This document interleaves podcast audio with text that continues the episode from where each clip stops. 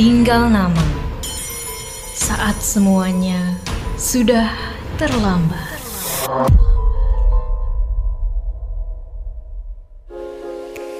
Kamu tidak percaya diri dengan penampilanmu? Podcast Semua Bisa Cantik hadir untuk membantu mendefinisikan dan merangkul arti cantik yang sesungguhnya. Dengerin podcast Semua Bisa Cantik dari Media by KG Media dan Stylo Indonesia di Spotify.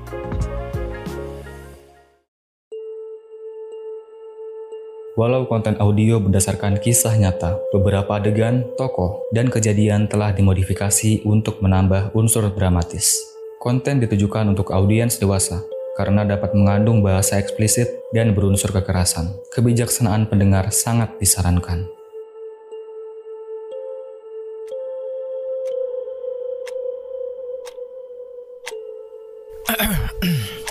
Kinasih, namamu Kinasih kan? Iya, Agung. Ada apa? Kamu bawa tembakau hisap? Ah, tidak Agung. Saya tidak pernah menyentuh barang seperti itu. Apalagi kan ini. ya, ya, saya tahu. Cuma kalau sedang menceritakan Broto seperti ini, saya jadi rindu Bapak. Makanya lebih senang kalau bisa ditemani hisapan dan hembusan manis itu. Enggak apa-apa, saya paham. Tempat gelap dan sumpek ini akan sangat mematikan kalau dikelilingi asap tembakau. Sama seperti keadaan kamarku saat siang itu. Saat itu, tak ada sedikit pun cahaya yang masuk ke kamar. Kubiarkan kegelapan menemaniku berbaring. Bila boleh jujur, jari jemariku masih bisa merasakan gemertak gigi Broto. Teriakan dan gerak mulutnya yang tertahan dan jelas terbayang mata memohon ampun sembari melotot itu akhirnya terlelap dibarengi napas terakhirnya. Broto, Broto. Aku bisa saja membunuhnya dengan lebih keji, bersimbah darah seperti bapak misalnya. Atau aku biarkan dia mati perlahan dengan menyumpal mulutnya dengan tembakau sampai penuh, sampai dia tidak bisa bernapas lagi. Aku bisa membayangkan suara manisnya mengembik-ngembik belas kasih iblis di neraka. Tapi, enggak. Ada satu jiwa lain yang kala itu menjadi satu-satunya tempat mengadu setelah bapak dan ibu pergi.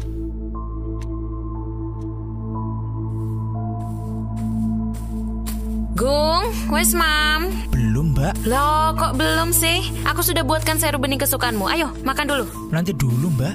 Aku masih masih belum puas memikirkan kematian Broto. Apa yang akan warga lakukan saat tahu Broto melakukan hal keji itu? Bakar! Bakar! Bakar aja! Bakar! Bakar! Maaf mengganggu Rahayu. Apakah Nak Agung ada? Biar aku panggilkan ya, Bu. Agung! Agung! Itu ada ribut-ribut kenapa, Bu?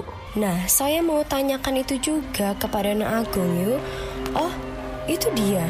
Ada apa Bu? Begini Nak Agung, apakah Nak Agung tahu apa yang terjadi dengan Pak Broto? Memangnya Pak Broto kenapa Bu? Beliau telah dibunuh, ada bekas cekikan di lehernya. Setelah pulang sekolah, apakah Nak Agung sempat bertemu Pak Broto atau melihatnya pergi dengan seseorang? Tunggu dulu Bu, apa sangkut pautnya adik saya dengan terbunuhnya Pak Broto? Mbak, Mbak, tenang dulu Mbak. Aku memang sempat bersitegang dengan Pak Broto tentang pemerintah. Tapi aku sudah minta maaf kok dan almarhum memaafkanku. Terakhir beliau bilang, aku masih harus banyak belajar, terutama perihal kesopanan. Saya ya tahu Pak Broto itu kerap menyanjung-nyanjung pemerintah. Bukan kamu saja yang tidak suka Agung. Banyak warga yang berpikir pemerintah tidak pernah memikirkan kepentingan dan kesejahteraan mereka. Tapi hal itu tidak bisa jadi alasan hilangnya nyawa manusia kan? Tunggu, tunggu. Ibu menuduh adik saya. Yunda gitu maksud saya. Bu Kades, para warga sudah berada di balai desa. Mereka menuntut pertanggungjawaban Pak Kades. Ibu harus segera ke sana, Bu. Ayo, Bu, cepat.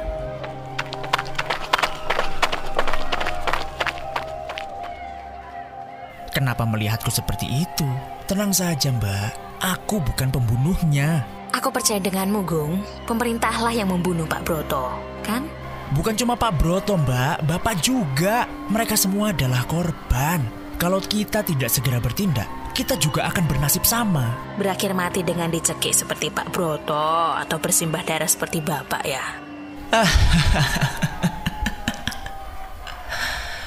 Mbakku itu cerdas sekali. Sudah, Ada baiknya kamu pergi saja ke balai desa, Dek. Mbak mau ikut? Nggak, aku harus menyelesaikan kerjaan rumah dulu. Bakar! Bakar! Bakar aja! Bakar! Loh, loh, loh, ada apa ini? Ada surat yang menyatakan bahwa tanah kami di Gade Broto. Bagaimana ini? Mana tanggung jawab kalian? Percuma saja pembangunan balai desa sebesar ini. Bakar! Tenang, tenang. Masalah tidak akan selesai dengan kalian membakar balai desa. Pikir saja, Pak. Bagaimana kami bisa tenang bila tanah turun-menurun dari leluhur tiba-tiba digade orang lain? Ini bisa kita bicarakan, tapi tolong hormati keluarga Pak Broto. Hari ini kita berduka dengan kepergiannya. Kami di sini tidak peduli dengan si Broto. Mau bicarakan bagaimana? Memangnya Broto membicarakan dulu sebelum menggadaikan tanah dengan atas nama dirinya sebagai pemilik? Aku sangat berterima kasih kepada siapa pun yang membongkar kebusukan Broto ini. Kalian tidak bisa anarkis dan menganggap pembunuhan sebagai pahlawan. Apa Bu Kades dan Pak Kades adalah pahlawan? Hus, Nak Agung, tidak usah ikut campur. Asal ibu tahu saja ya bu, keluargaku sudah menjadi korban. Bahkan bapakku tewas bersimbah darah.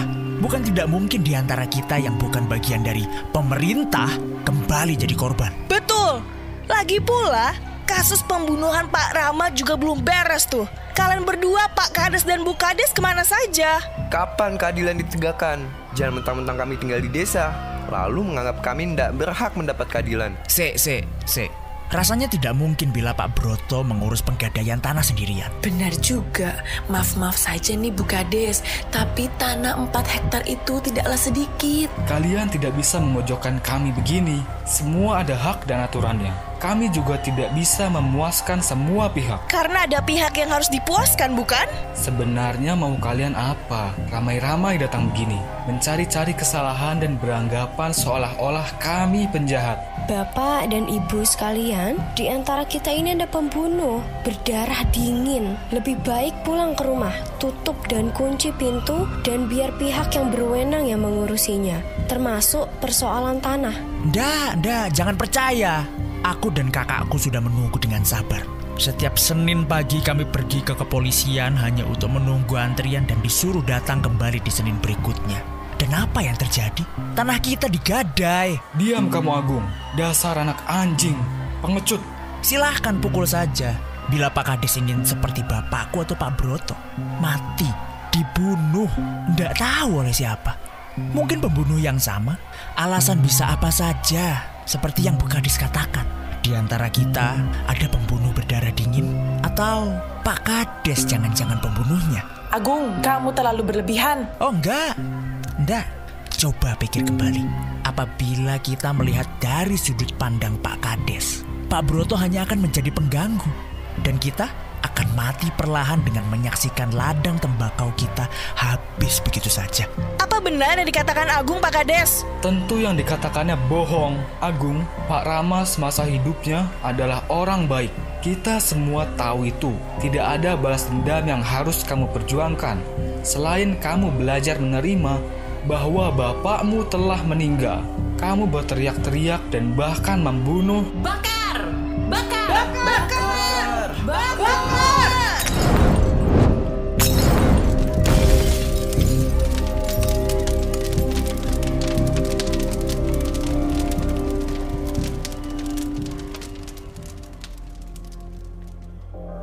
Entahlah, Kinasi.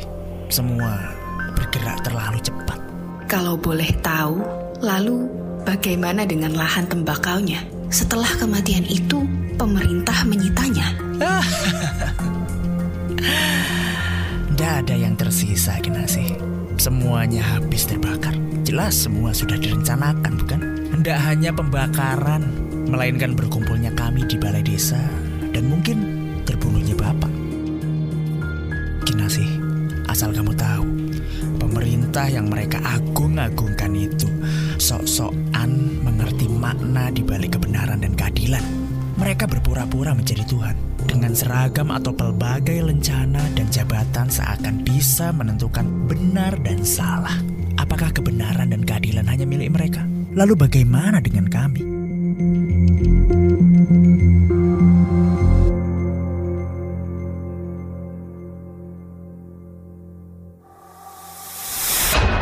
Jangan lewatkan episode Tinggal Nama selanjutnya. Saat semuanya sudah terlambat, yang tersisa hanyalah tinggal nama. Tinggal